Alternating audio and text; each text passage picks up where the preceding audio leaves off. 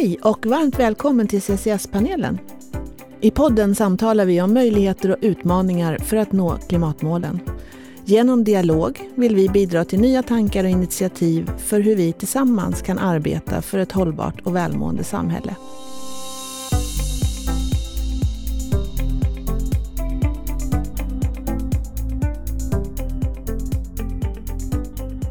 Jag heter Liselott Jernberg Beit och arbetar till vardags som kultur och hållbarhetschef på Granitor. I dagens avsnitt träffar vi John Alberg från Kärnfull Next. Jag ska söka svar på frågor som Vad är SMR egentligen? Vilka typiska kunder skulle kunna tänkas ha nytta av att bygga små modulära reaktorer i anslutning till sin verksamhet? Hur är det tänkt att kedjan från första pennstreck till färdig anläggning ska se ut? Och vilka samarbetspartners blir viktiga? Och hur ska kärnkraftsmotståndarna övertygas? Men eh, först, med oss från en studio i Göteborg. Jan Alberg, du är varmt välkommen. Kan inte du berätta lite för våra lyssnare om vem du är? Hej, tack så jättemycket. Ja, vem är jag? Jag är en småbarnsfar, trebarnsfar från Göteborg, nu eh, nyss fyllda 40 år här. Um, och uh, har egentligen alltid jobbat med uh, kommunikation och strategi kring ganska så här, tekniskt komplicerade produkter. Jobbat mycket med datasäkerhet, autentisering och sånt tidigare i mitt liv. Och sen så någon gång 2018 så blev jag väldigt uh, förtjust i att se om jag kunde använda min entreprenörsanda inom klimatarbetet och inom elektrifieringen helt enkelt. Och då så, så slog jag mig samman med min gode vän och vapendragare Christian Sjölander och eh, sa att eh, tittade vi på en ganska stor mängd olika tekniker som vi insåg att skulle kunna ha ett uppsving framför sig då.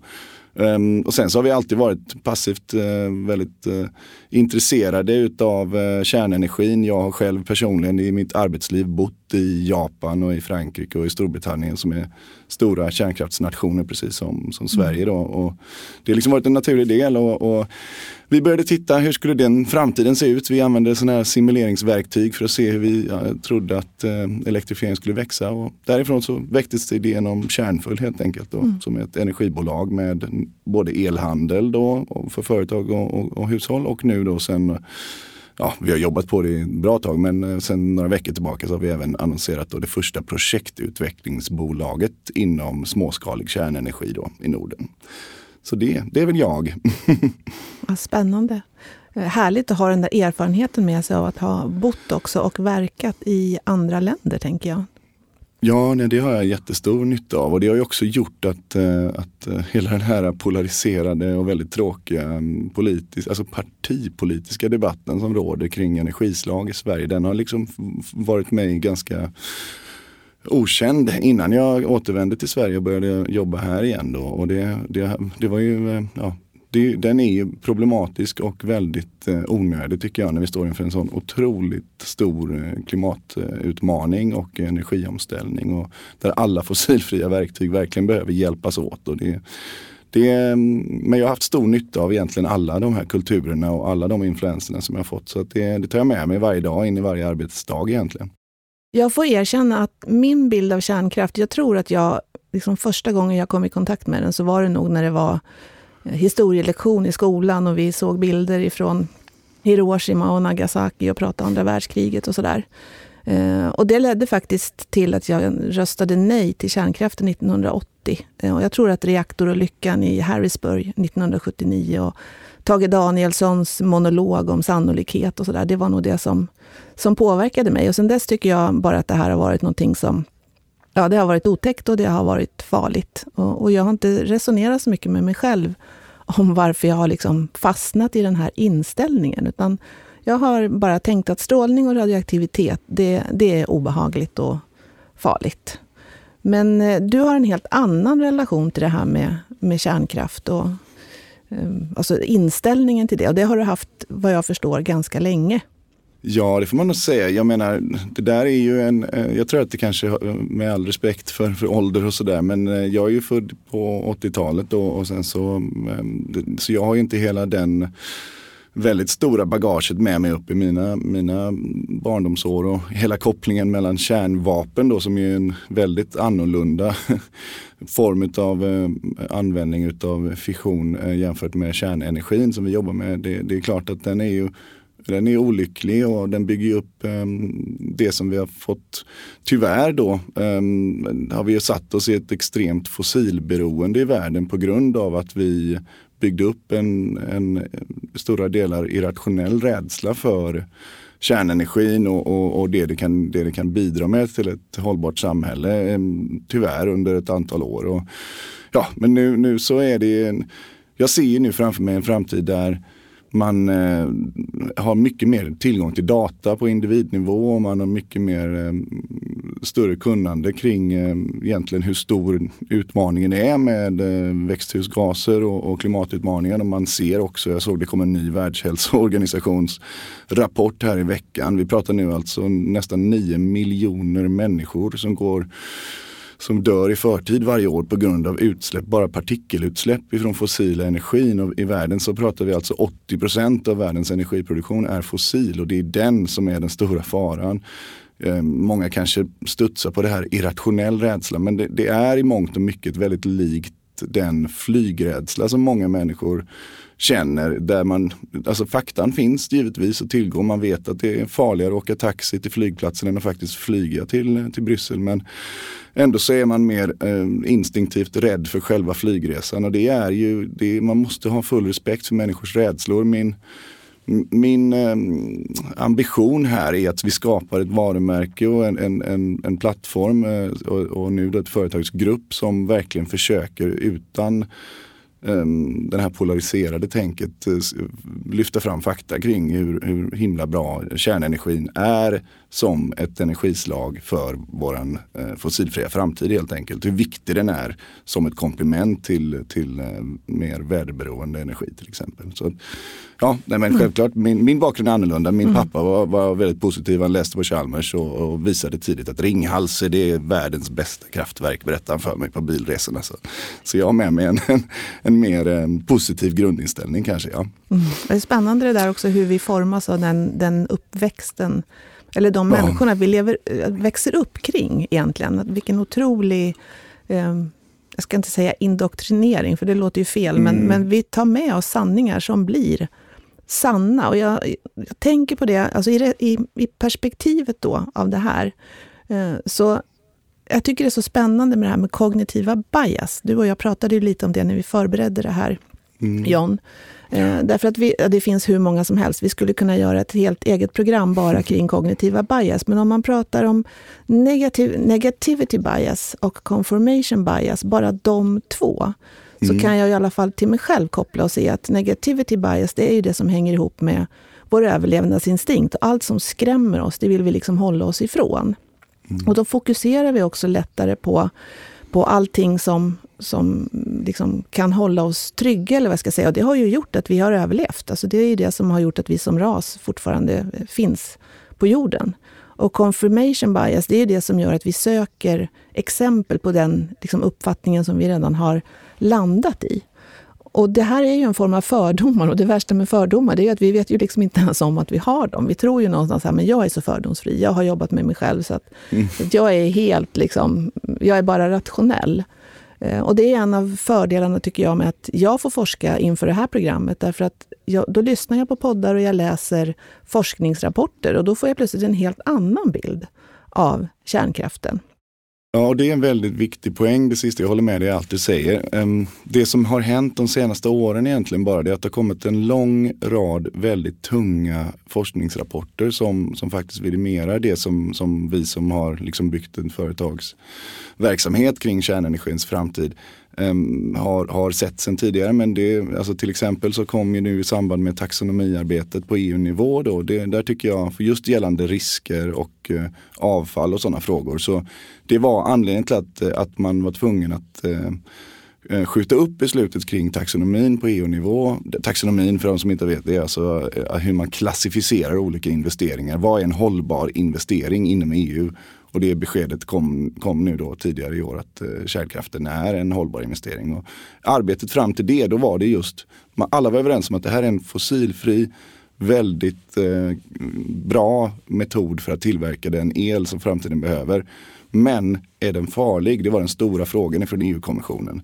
Och de ansåg sig inte tillräckligt skickliga för att det, kunna besluta det själva. Och då delegerade de det till sitt gemensamma forskningscentrum som heter JRC, Joint Research Center. Och de gjorde verkligen det arbetet som behövdes göras. Ehm, då, då undanröjdes de tvivel som jag kanske själv hade haft eh, väldigt kraftfullt. För då fick jag en, en stor mängd forskare som gemensamt tittade på det som kallas Do No Significant Harm, DNSH-kriterierna. Och för att komma med i taxonomin då måste du klara de här kriterierna. Och de tittade just på hur stora är riskerna vid en olycka? Hur farligt är avfallet? Och, och etc. Och, det, och de gjorde en gedigen rapport. Den är väldigt lång läsning men jag kan ändå rekommendera den just ifrån det kanske terapeutiska syn, synsättet. För då får man klart för sig att ja, de landade väldigt tryggt i att den är den är självklart inte ofarlig, det ska man absolut inte säga, men i perspektivet jakten på en hållbar planet så, har den, så bedömde de att den hade exakt samma risknivå som de andra då klassificerade um, teknologierna som vind och solkraft och vattenkraft etc. återigen, man måste förstå utmaningen. Vi har alltså mm. 80 procent fossil energi i världen. Det är, det är fullständigt horribelt. Dels så dör miljontals människor av utsläppen varje år på grund av luftföroreningar.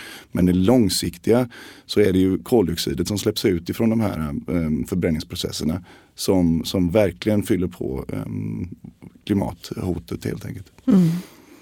Ja, jag tänker på just alltså, de reaktorer eh, som vi känner till. De är ju eh, stora eh, och de har sina risker.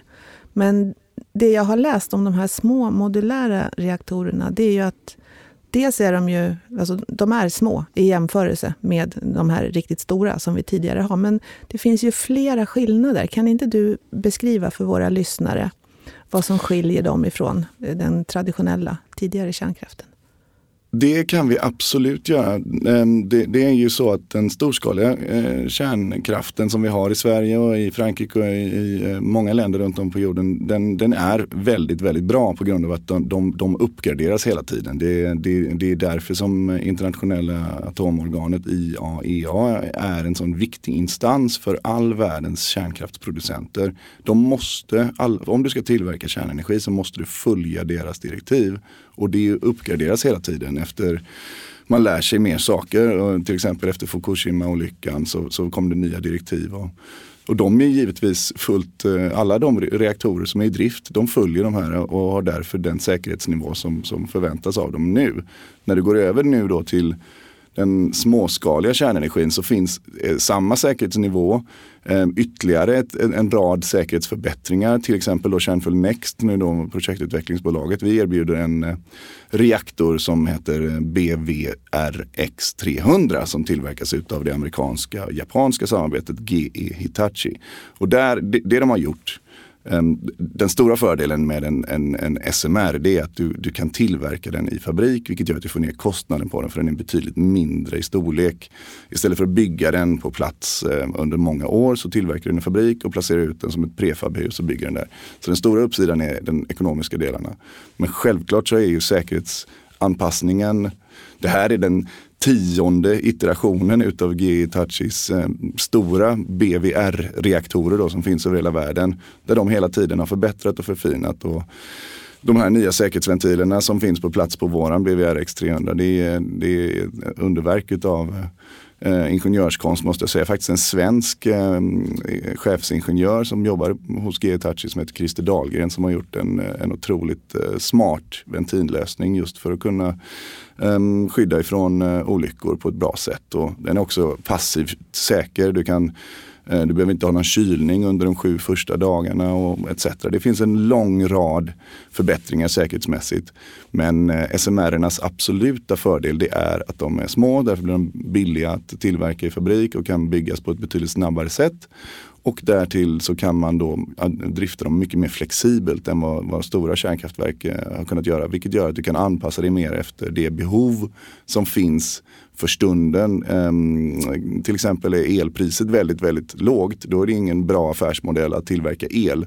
Då kan man snabbt med våra enheter byta över och tillverka vätgas till exempel istället som det finns ett bottenlöst behov av till en väldigt billig peng. Då, så att, det är de kommersiella sidorna som har verkligen förbättrats, framförallt med SMR. Sen så är säkerhetsnivåerna, det här är den, den bevisat mest säkra industriella processen i världen just på grund av att man, man jobbar med säkerheten som punkt 1, 2, 3 när man börjar ett nytt, eh, en ny kärn, kärnkraftsverksamhet helt enkelt. Mm. Hur stor yta behövs då på ett ungefär för att bygga ett sånt här eller få, ett, få det på plats? Eh, våran våra BVRX 300 de, de, behöver en fotbollsplan ungefär eh, i storlek brukar vi säga. Ehm, och med, med, då är det med hela verksamheten, alltså med säkerhetsstängslet och säkerhetsmarginalen och med eh, de olika faciliteterna för ehm, Eh, för personalen och sånt. Men det, det är ungefär den ytan vi behöver ta i anspråk och då får vi 300 megawatt installerad effekt på den ytan vilket ju är otroligt bra sätt till en bra sätt att använda markyta helt enkelt. Um, och det, det motsvarar ju uh, två terawattimmar kanske per år då. Det här är ju det är lite komplicerat då men om man tittar nu i Sveriges elanvändning nu 2022 den ligger på ungefär 140 terawattimmar per år. Men vi ser nu med alla de här stora fina fossilfria satsningarna som aviseras uppe i Norrland och även här nere i Göteborg nu med batterifabriker. Då kommer elbehovet eh, i Sverige att fördubblas minst. Man pratar om till och med 300 terawattimmar per år. Och där, det är då du behöver se över vilka alternativ som finns för att tillgodose det. Om varje enhet som jag bygger upp kan tillverka 2 terawattimmar per år så ser man att det är ett ganska stort bidrag från en liten markyta. Då. Och, och självklart så, så är det ju så att ingen teknik kommer kunna lösa den här eh, omställningen individuellt utan det kommer vara ett samspel mellan vindkraften, solkraften, vattenkraften, kärnenergin. Um, och sen så finns det ju såklart även um, biogas och sånt men då får, du ju, då får du ju direkt de här utsläppen som vi vill undvika. Så att jag skulle säga att det är de fyra, vatten, vind, sol och kärnkraft som, som kommer kunna ta oss ur den här fossila inlåsningen och in i en uh, fossilfri framtid helt enkelt.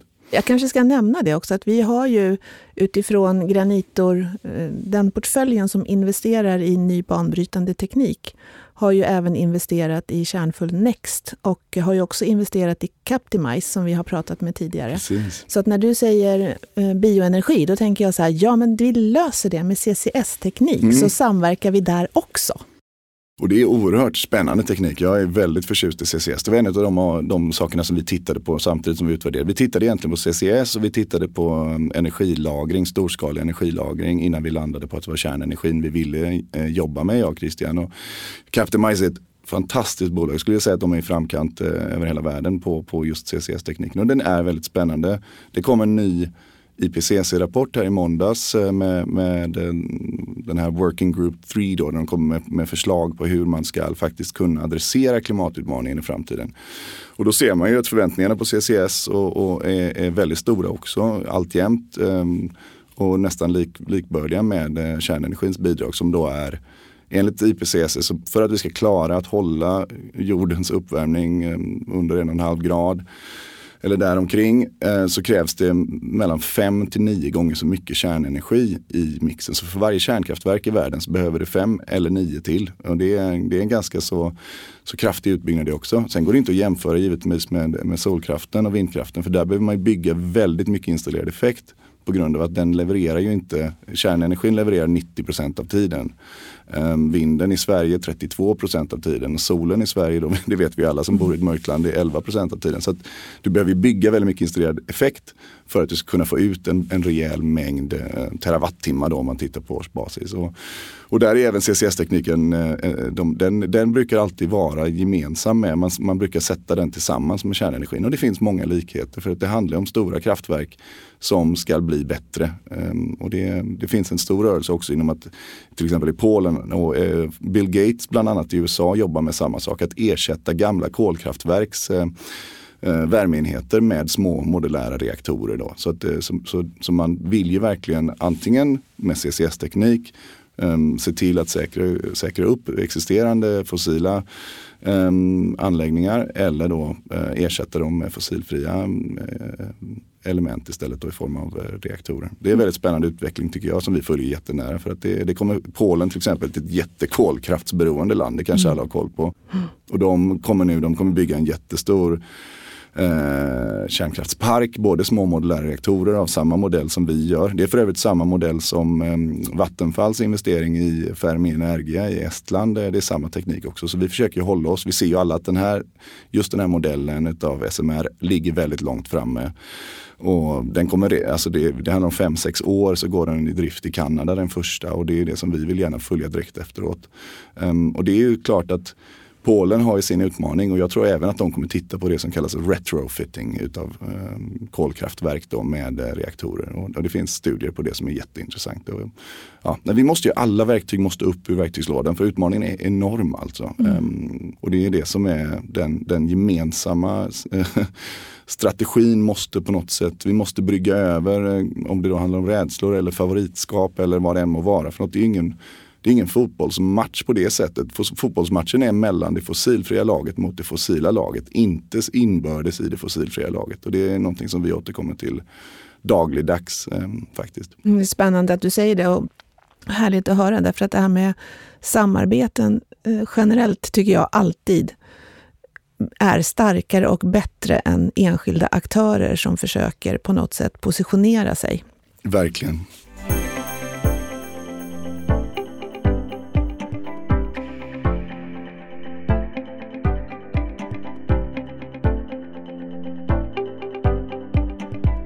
Du har ju nämnt några som skulle kunna vara liksom tagare av den här energin, men när ni gör er affärsplan, så här, vilka, vilka typkunder ser ni framför er?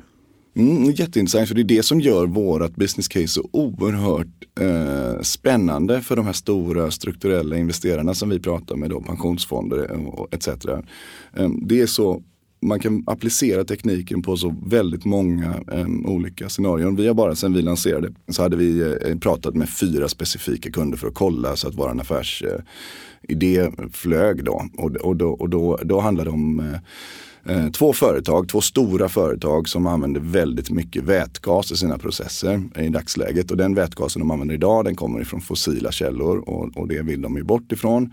Så den, den, det kluster, industrikluster eller individuella stora företag som använder väldigt mycket vätgas i sina processer i dagsläget. Det är en jätteintressant eh, målgrupp för att vi då tack vare att vi har dels då 300 megawatt installerad effekt men eh, dessutom spillvärme som det brukar kallas men ytterligare då 600 megawatt värme Eh, ut ur våra reaktorer som, som, eh, som man kan använda i den här elektrolysörerna som krävs för att framställa fossilfri vätgas.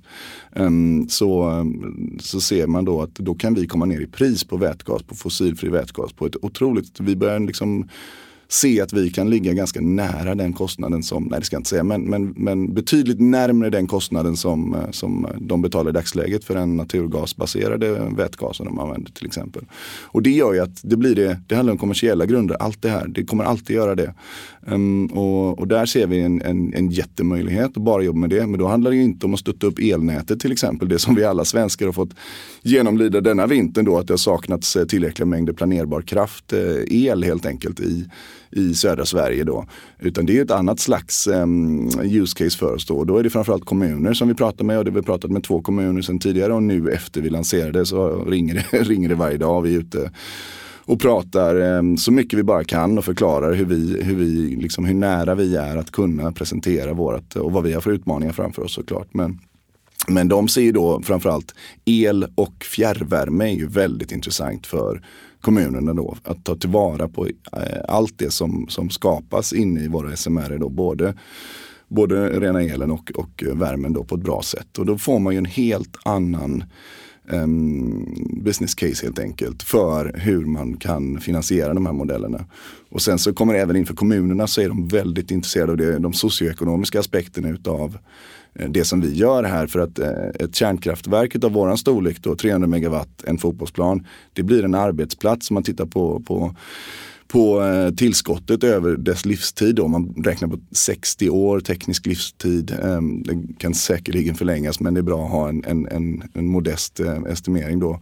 Då ser man att det skapas eh, 200 heltidsjobb i 60 år på, på en kommun till exempel eh, med väl högavlönade jobb. Och det är ju jätteintressant såklart för kommuner som, som vill dels eh, skapa arbetstillfällen på det sättet men också attrahera elintensiv etablering längre fram. Då. Så att de socioekonomiska aspekterna av detta är en jätteviktig del och vi kommer nu genomföra studier och försöka prata väldigt mycket om det därför att det är också en väldigt viktig del i hur kommuner i framtiden, små kommuner ska kunna um, bidra till den fossilfria omställningen och samtidigt skapa värde. För då blir ju de, de som jobbar på, på, på våra reaktorer, de kommer ju såklart vara skattebetalare i kommunen och de kommer bidra till man räknar då på den här kanadensiska studien som jag utgår ifrån som är gjord av PWC förra året. Då ser man att det är ett bidrag, under byggnationen så är det ett bidrag på ungefär en miljard till BNP lokalt då. Och ytterligare en miljard um, under, under hela 60-årstiden. Och då ska jag säga att det är alltså en miljard Eh, kanadensiska dollar. Så då pratar vi alltså 16 eh, miljarder kronor ungefär i BNP-tillskott sammanlagt. Då. Och det är, det är en, en otroligt spännande morot för kommuner. Så det är framförallt kommuner och företag eh, som använder mycket el som är våra huvudsakliga eh, mål. Sen så Svenska kraftnät har ju aviserat eh, att de vill gärna ha planerbar kraft i södra Sverige. De behöver hjälp med transmissionen. Det, nu, det har säkert alla följt och att i norra Sverige så är, eh, finns vattenkraften och den, där är elen billig och i södra Sverige så finns inte vattenkraften och där är elen dyr. Och det som skulle kunna eventuellt lösa upp då, om inte nu då så som det ser ut att man kommer använda all den, den nordliga kraften lokalt till hybrid etc. Så, så, så finns det ändå en anledning att införa det som kallas svängmassa, alltså systemtjänsterna som ett kärnkraftverk bidrar med gratis i dagsläget. Det kommer bli en speciell, en specifik marknadsplats i framtiden att erbjuda någon, den sortens eh, systemtjänster. Och det är också en väldigt intressant, om det blir en bra affärsmodell där så kommer det också vara väldigt intressant för våra reaktorer. Då kan ju Svenska kraftnät säga att de vill ha reaktorer på fem punkter för att kunna då eh, underlätta transmissionen av el genom landet då, så att de inte fastnar i de här flaskhalsarna. Så det finns många, många olika mm, och väldigt lukrativa, ska vi säga, väldigt bra eh, business case rent ekonomiskt där men du, det har ju varit rätt mycket bass runt det här med kärnkraften de senaste veckorna, inte minst då sen invasionen av Ukraina såklart, för det har ju någonstans mm. satt eh, väldigt mycket på sin spets när det gäller import av naturgas och så vidare. Men det är ju många som kallar kärnkraften för en olönsam investering. Mm. Ja. Vad handlar det om då? Nej, det, det, det, är en gammal eh, sanning håller jag på att säga. Självklart om du ska hålla på och bygga dem på det sättet som man har gjort nu i, i, i Storbritannien eller i Finland. Eh, fast Finland blev ändå en bra ekonomi för, för just Finland men inte för leverantören. Men det är klart att det, då är det en dyr form av, om du ska bygga någonting på plats um, under många år med väldigt mycket byggingenjörer på plats så blir det dyrt. Och då blir det en problematisk investering. Det är det som eh, hela det här fabriksmodulära tänket med SMR eh, låser upp på ett väldigt fint sätt. Sen ska man också ha klart för sig Energiforsk då som är, som är det forskningscentret som eh, Svenska kraftnät har tillsammans med energiföretagen i Sverige. De har kommit med, med, dels, kommit med två intressanta rapporter här på senare tiden. Dels så eh, gjorde de en, en, analys eh, hur mycket lägre elpriset i södra Sverige skulle varit om vi hade behållit då Ringhals 1 och 2 som har stängt senast här i Sverige. Och de landade ju att det hade varit 30 40% billigare el i vinter nu då mm. i, i elområde 3 då och nere i Skåne i elområde 4 så hade det varit eh, upp mot 50% billigare. Så det, det var en väldigt bra rapport att få svart på vitt vad, vad som gällde där. Men sen kom de med den rapporten som vi gläder oss väldigt mycket över. Där de tittade på kostnad för energiproduktion i framtiden. Och där ser de då att eh, landbaserad vindkraft är billigast utav det som man kan bygga i stor skala. Då, um, eller som får en bra, stor påverkan. Men sen efter det så kommer då den här havsbaserade vindkraften som är, som är väldigt populär nu också av goda skäl eh, tycker jag. Ehm, och den, deras kostnader landade i deras studie redan på det här som heter då Levelized Cost of Electricity, LCOE måttet. Då. Det hamnade det på samma intervall som ny kärnenergi. Så att enligt. Och det stämmer väldigt bra överens med de analyser vi har gjort. Våra, våra reaktorer kommer hamna där i det nedre intervallet utav Energiforsks eh, senaste studie. Då, vilket innebär att den är väldigt konkurrenskraftig redan på LCOE-stadiet mot eh, eh, havsbaserad vindkraft till exempel. Då. Och det, det, är intressant för sen när man bläddrar vidare i den där eh, rapporten som de gjorde så hade de även tittat på vad innebär det då för kostnadsbesparingar om du dessutom kan tillverka el eh, Eh, när ingen annan kan. Eh, för det är det som är kärnenergins och vattenkraftens stora styrka, är att, att den, den är planerbar. Då får, du en, då får du en kostnadsbesparing per eh, kilowattimme på 13 procent med kärnenergin på grund av att den kan leverera el när den är som dyrast. Medan då mer väderberoende energislag som tenderar att leverera el när det blåser eller när det är soligt, de får ett, en kostnadspåslag istället på 16 procent. Så att börjar man titta ännu lite djupare på de faktiska värdefaktorerna kring elproduktionen så, så ligger kärnenergin väldigt bra till. Så jag, jag skulle väldigt gärna eh, vilja se en mer, eh, alltså utifrån de här studierna som finns nu och det finns såklart väldigt många internationella studier men nu gör vi dem bra i Sverige också. Då, då får man ett bättre faktaunderlag eh, kring hur man kan bygga kärnenergin på ett eh, ekonomiskt och väldigt lönsamt sätt i framtiden.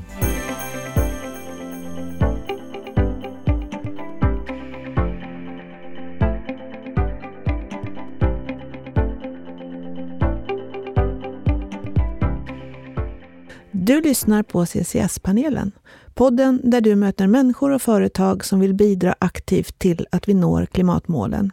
Genom dialog vill vi bidra till nya tankar och initiativ för hur vi tillsammans kan arbeta för ett hållbart och välmående samhälle. Spännande resonemang runt eh, ekonomin där, tycker jag, John. Mm. Jag ser också, du, du pratar om de här arbetstillfällena på respektive ort, men jag tänker också utifrån att jag eh, rör mig i, i granitor på olika nivåer så pratar vi mycket om det här med vad eh, kostnadsökningar, hur det påverkar så att säga, eh, våran, vårat resultat till slut. Så att jag tänker, spontant tänker jag att det, jag ser massor med olika fabriker och eh, produktionsanläggningar framför mig där det här skulle vara helt fantastiskt därför att du skulle också på ett helt annat sätt kunna liksom förutsäga eller prediktera kostnaden mm, för saker och ting. Och det där är en jätteviktig poäng för att, för att eh, risk är alltid ett problem rent kostnadsmässigt. Volatilitet är det sämsta som finns när du ska försöka göra en kostnadsberäkning. Att, mm. inte, att inte ha säkerhet. Och det är det som blir, när vi pratar om de här stora investerarna som skulle kunna vara med och finansiera när vi börjar bygga reaktorerna då så är det ju framförallt den aspekten att här har du liksom en annuitetsintäkt som är väldigt trygg. Man vet att den här reaktorn kommer leverera 90% av tiden i 60 år. Du får liksom en helt annan intäktsström och du kan också då optimera lönsamheten. Ja, elpriset är inte intressant och speciellt som du säger för de här företagen som du tänker på då. Så, så är det ju vätgas som är den stora intressant. Man vill göra vätgas, sen så vill man tillverka om man inte använder den direkt i industriella processer då vill man göra ammoniak utav det. Sen så vill man då tillverka syntetiska bränslen till flygindustrin eller till till um, sjöfart eller, eller, kanske konstgödsel etc. Så, det, så det, det gör ju att du hela tiden kan hålla en väldigt fin lönsamhet om man driftar den flexibelt, vilket är den stora styrkan med våra SMR idag. Vi kallar dem versatile energy hubs. Då, och vi pratar väldigt lite om kärnkraft och väldigt mycket om kärnenergi. Därför att det är energi vi erbjuder, inte el specifikt. Utan det är energi i olika former. Och det är en väldigt stor trigger för, för eh, den marknad som vi ser framför oss. Mm. Och, och, jag tänker också, ni är ju ett, ett projektutvecklingsföretag egentligen. Det är inte, alltså ni kommer ju inte att ansvara för hela kedjan, tänker jag, tills den här SMR står på plats någonstans eh, på en yta stort som en fotbollsplan. Så vilka behöver ni knyta till er, alltså samarbeten? Vilka behöver ni samarbeta väldigt nära med för att det här ska bli verklighet? Ja, det är en jättebra eh, fråga och, och, och, där har ju egentligen om man tittar på vad vi har gjort eh, med Kärnfull Next så är, är vår affärsmodell helt modellerad utifrån det som har fungerat så himla bra för vindkraftens utbyggnad. Där ser vi just projektutvecklingsbolag, eh, otroligt imponerande sådana som OX2 till exempel som verkligen eh, gör samma sak som vi kommer göra då med, med eh, småskalig kärnenergi. Man tar projekten, man hittar platserna, man får alla Ehm, tillstånd och mark och miljödomstolar, licensieringen och finansieringen och så kan man även då börja sälja då sådana här pre-purchase agreements, PPR som man pratar om och finansiera upp via det sättet och så skapar man ett specifikt eh, bolag för varje varje reaktor eller reaktorpark om man vill bygga flera då. Ehm, för det kan man också göra då. Det, där finns det ju eh, stor, stora fördelar om man bygger. Om man behöver mer än 300 megawatts effekt, om man behöver 600 eller 900 etc. Så kan man sätta fler nära varandra. Då behöver man inte tre fotbollsplaner utan det blir en, en, en markytebesparing där också som är intressant. Men vi tar det ju då ända fram till um, det är dags att uh, börja bygga eller så är vi med under byggnationen. Och menar, bygg, byggnationen det är, det är ett EPC-team då som det brukar heta. Vi kommer väl troligtvis använda de som nu bygger i Kanada då initialt. Uh, sen så vill jag ju på sikt se att Sverige blir en del av värdekedjan här på ett, uh, för de här reaktorerna kommer byggas i hundratals runt om i Europa. Och det hade varit en jätteintressant tillskott för Sverige som är, som är en ledande kärnkraftsnation med en väldigt fin kunskap om just kokvattenreaktorer som det här handlar om. Eh, och bra underleverantörer för det. Så att vi har alla möjligheter att vara en supply chain ledare inom den här tekniken i framtiden som, som land då.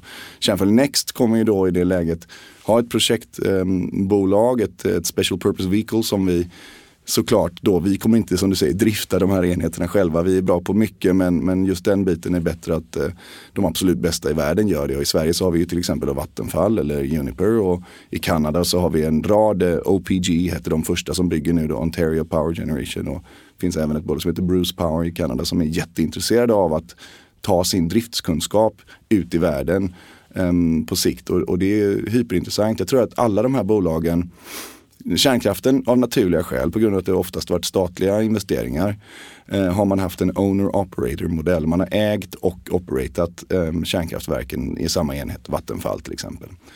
Eh, vi tror att med små modulära reaktorer så kommer det bli mycket mer likt eh, vindkraftsindustrin. Bolaget ägs utav eh, fonder och utav dess eh, olika investerare men det driftas separat av ett bolag som man har ett avtal med. Då.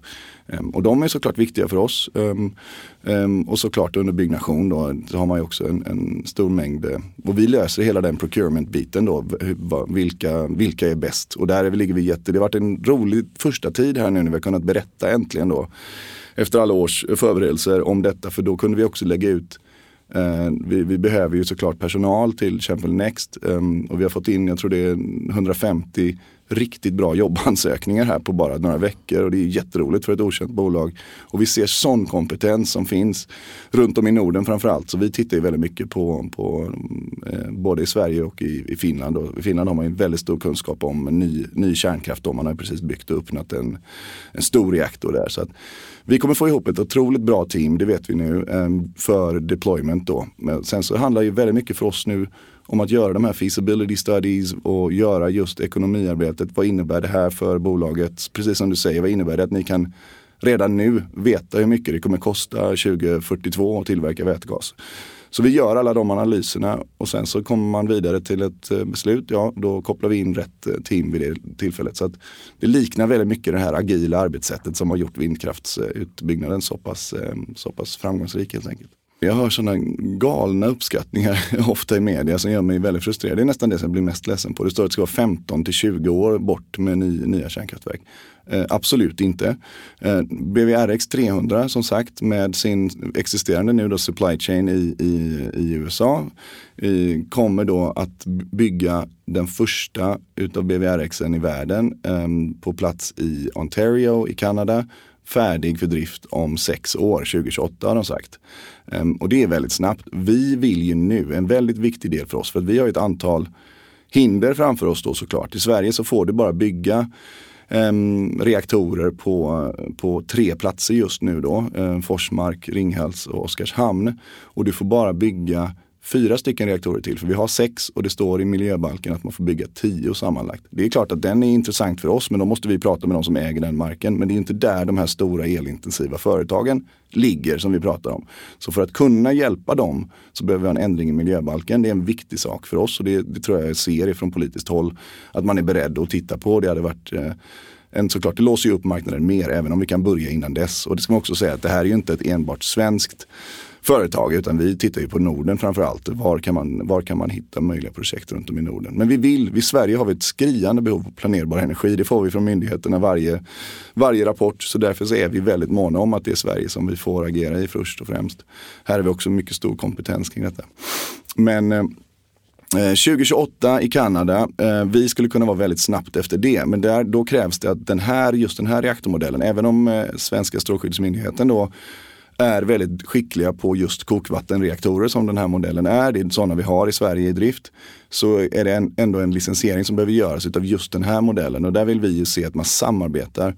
Och vi har redan nu då, det kan jag ju avslöja lite grann här då, i denna podden att vi har redan nu initierat samtalet med den kanadensiska strålskyddsmyndigheten som är jätteöppna för att samarbeta med svenska strålskyddsmyndigheten, med eh, estländska, med polska, alla de som vill bygga. För de vill göra detta tillsammans och de ser ju att ju fler som kan göra licensieringsarbetet parallellt desto bättre kommer det bli och därför så är de väldigt, de vill väldigt gärna välkomna delegationer och, och, och, personal till Kanada för att göra det sida vid sida. Och det är någonting som vi verkligen vill se eh, från vår sida för då skulle vi kunna snabba på det här ännu mer.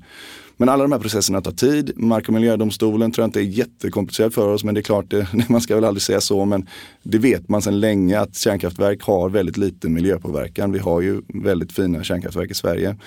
Um, så därför så, så ser jag framförallt miljöbalken och licensieringen är de här stora bitarna som behöver ske. Men får vi att de kan löpa parallellt och gärna i samarbete med Kanada, då kan vi vara väldigt snabba efter Ontarios. Och då handlar det om att man bara gör en till enhet direkt i fabriken och, och då skulle vi kunna vara igång eh, 2028, 2029 också. Liksom. Det handlar ju väldigt mycket om viljan. Och jag tror ju då, dels nu, vi har den geopolitiska aspekten som har dykt upp. Man vill inte importera fossila bränslen. Det vill man aldrig, men framförallt nu har vi fått lära oss det.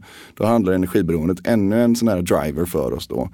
Um, självklart. Så, och sen så IPCC-rapporten är en mardrömsläsning. Självklart måste vi börja agera nu och vi måste agera. Och här är det ett sätt som vi kan få väldigt stor installerad effekt på väldigt liten markyta som skapar arbetstillfällen och som verkligen möjliggör en fossilfri omställning på ett snabbt sätt. Och det är självklart jag, är, jag har väldigt svårt att se att vi inte skulle kunna få agera på den marknaden. Nu framförallt med EU-taxonomin som säger att kärnenergin är en hållbar investering inom, inom EU. Och vi har fått ett slutförvarsbeslut i Sverige också så den frågan är tekniskt eh, sedan länge utredd och nu politiskt utredd också. Det, det är klart, de bitarna gör att investerare blir mer intresserade och förhoppningsvis också Ehm, att vi kan från politiskt håll se, se liksom en, en, progressiv tanke här. Hur kan vi verkligen ut, möta den här dubbla elektrifieringen? Det vi handlar ju om 20 år bort, 25 år bort så ska vi använda dubbelt så mycket el.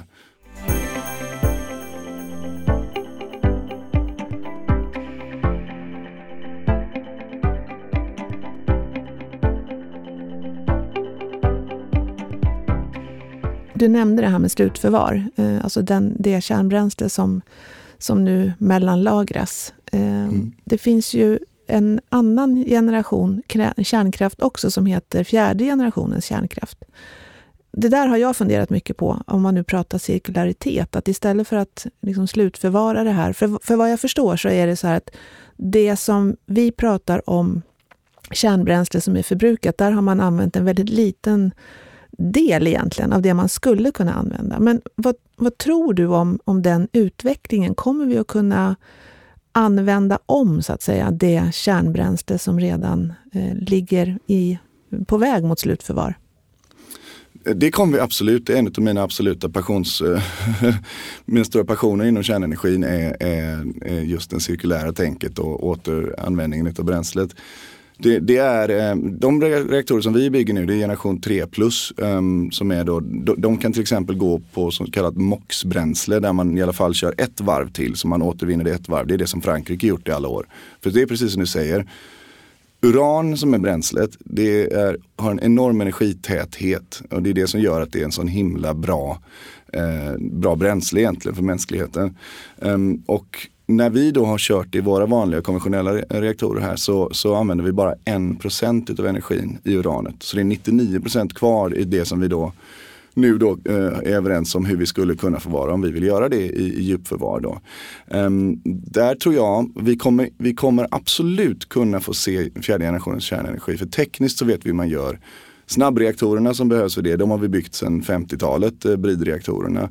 Men däremot så är den stora utmaningen att sluta bränslecykeln då. Det är, det är lite tekniskt här, men här, faktiskt här i Göteborg där vi sitter så är man världsledande på Chalmers inom just eh, det här arbetet. Ehm, och vi följer det jättenära. Professor Christian Ekberg här på Chalmers är en av våra rådgivare till Kärnfull. Så vi har väldigt bra koll på den här biten och vi vill såklart se den. Men han och vi och alla som jobbar med fjärde generationens eh, kärnkraft är väldigt överens om att vi måste göra de här byggnationerna nu om 5-6 år för att vi ska kunna ha kvar kompetensen och ha kvar eh, behovet utav att ta oss vidare till den fjärde generationens eh, kärnenergi när det är eh, dags helt enkelt. Och dags använder jag som ord därför att Ehm, det kommer handla om kommersiella frågor till slut. På grund av att det är så oerhört hög energitäthet i, i bränslet man använder. Och att man inte ens har börjat att göra MOX-bränsle då, alltså där man använder ytterligare då 5% av energin i den i Sverige. Så kan man vara mycket smartare med bränslet redan i de reaktorerna som vi bygger, 3 plus. Så du kommer dessutom se att bränslekostnaden för ett kärnkraftverk är en väldigt liten del av kostnaden. Så den påverkar inte i och med att man använder så lite utav det. Så den är inte speciellt viktig del i, i, eh, i ekonomin kring ett, kring ett kärnkraftverk. Så därför så handlar det mer om att vi bygger så pass mycket kärnenergi i världen. Eh, så vi följer IPCCs plan eller kanske ännu mer. Jag vet att man ifrån det globala eh, kärnkraftsorganet pratar man om att man vill upp mot 20-25 procent av världens elproduktion ska komma ifrån kärnenergi 2050 och, och vidare. Och då är det klart, då hamnar du i ett läge där uranet, att bryta nytt uran Ehm, eller ehm, ja, då kommer du, då kommer du eh, behöva jämföra. Är det billigare eh, för mig att återvinna eller hur mycket mer kostar det att återvinna bränslet istället för att bryta nytt uran? För att uran är ju en, en eh, ändlig resurs på det sättet att vi, vi det finns fyndigheter i, i, stora delar av världen. Men um, de kan ju ta slut om vi bygger väldigt mycket kärnenergi såklart. Och då blir det intressant att, att drifta vidare till att återvinna det mycket mer. Men återigen, eh, det handlar om pengar i, i, i grund och botten. Sen finns det en, eh, vi pratade lite om det igår, men jag tycker det är ett otroligt spännande område. Ehm, världens hav är den största urantillgången i världen. Det finns hur mycket uran som helst i havsvatten. Ehm, och där ser vi nu enormt snabba framsteg i Asien, ehm, framförallt kring hur man ska kunna fiska uran ur havsvattnet. Ehm, och det, då, det blir intressant för uranet urlakas ju naturligt hela tiden ur jordens inre, så det blir nästan en förnybar bränsle på det sättet. Då. Vilket är också väldigt intressant från många, många aspekter. Det låter ju som science fiction men Eh, Kina då, anledningen till att jag tror, jag har ändå ganska stora förhoppningar om att vi kommer hamna i en värld där man faktiskt hämtar uranet ur, ur, ur havsvatten um, i framtiden. Det, det, är för att Kina saknar stora urantillgångar själva på marken och, och de vill också vara energioberoende. Så de har satt ut, om tio år ska vi hämta en stor del av vårt uran ifrån havsvatten och leder den utvecklingen. Och det gör ju såklart att man får teknik på plats som man kan använda i resten av världen. Så att det, det är ett jättespännande aspekt. Men vad skulle det innebära för återvinnandet av kärnbränslet som vi har?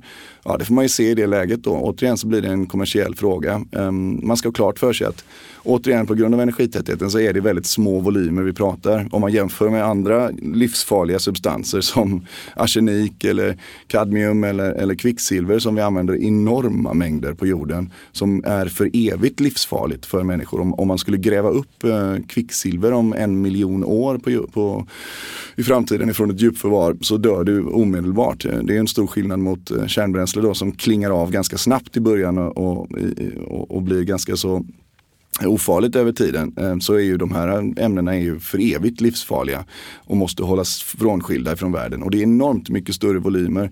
Så att eh, man, ska, man, man måste här också ha perspektiven till hur stor volym handlar det om. I Sverige, all kärnenergi som vi använt i Sverige sen vi började använda kärnenergin eh, allt det bränslet får plats på en, en paddelbana det är ganska så fascinerande tanke. Man tänker på hur väldigt mycket fossilfri el vi har fått ut sen vi började använda kärnenergi i Sverige. Mm. Så att, eh, ja, det finns olika aspekter på detta. Jag älskar fjärde generationen för jag tror som elhandlare då, Kärnfull är även ett elhandelsbolag. Jag tror att om jag skulle erbjuda ett kontrakt på vår hemsida, ett avtal där man antingen kan få 100% kärnkraft ifrån ny uran och bredvid så fanns det lägg på några öre så får du från återvunnet uran. Så tror jag att det hade kunnat vara en, en kommersiell succé. Eh, men det, det, det återstår att se. Och, mm, men vi vill ju vara med på alla de här bitarna. Vi kommer aldrig komma till fjärde generationens kärnenergi om inte bolag som Kärnfull Next lyckas nu då att etablera en, en ny flotta med eh, reaktorer och få upp kompetenserna kring det mm, hos personalen och eh, såklart även då börja använda resurserna som finns. Mm. Ja, det är så spännande. Det känns som att vi kanske behöver träffas flera gånger och fortsätta reda i det här. Men jag tänkte att du har tipsat om saker man kan läsa. Jag vill gärna tipsa för dig som fortfarande funderar över det här med strålning. Så lyssna gärna på podden Strålande tider. Det avsnittet där Klara Insulander Björk, som är forskare och doktor i teknisk fysik, reder ut det här. För det var en av de aspekterna som gjorde att jag kände mig betydligt eh, lugnare och fick en helt annan inställning till den verksamhet som ni bedriver. Det är faktiskt dags för oss att, att liksom säga hej då för den här gången. Jag är övertygad om att vi kommer att höras igen, för vi har så mycket spännande att prata om och det händer också så mycket roliga saker för er just ja, nu. Intresset är jätte, jättestort. Ja, varje dag nu. och det är ju jätteroligt såklart. Och Klara som du nämnde, hon är fantastisk. Hon är också rådgivare till oss på Kärnfull. Så, så henne ska man absolut uh, lyssna på. En superpodd, en strålande tid. Mm. Så jag säger tack till dig John för att du ville hänga med mig här idag och prata kärnkraft i allmänhet och Kärnfull Next i synnerhet. Jag har lärt mig jättemycket under både förberedelserna av podden och i samtalet med dig och jag hoppas att du som har lyssnat också tycker att det här har varit givande. Kanske har du rent av börjat fundera på vilka confirmation bias som du bär med dig och kanske har du börjat fundera på vilka fördomar som ligger bakom dem. Eh, vill du dela med dig så sök upp mig på LinkedIn eller mejla till liselott.jbate.granitor.se. Tills vi hörs igen, ha det gott! Hej då! Hej då, ha det bra!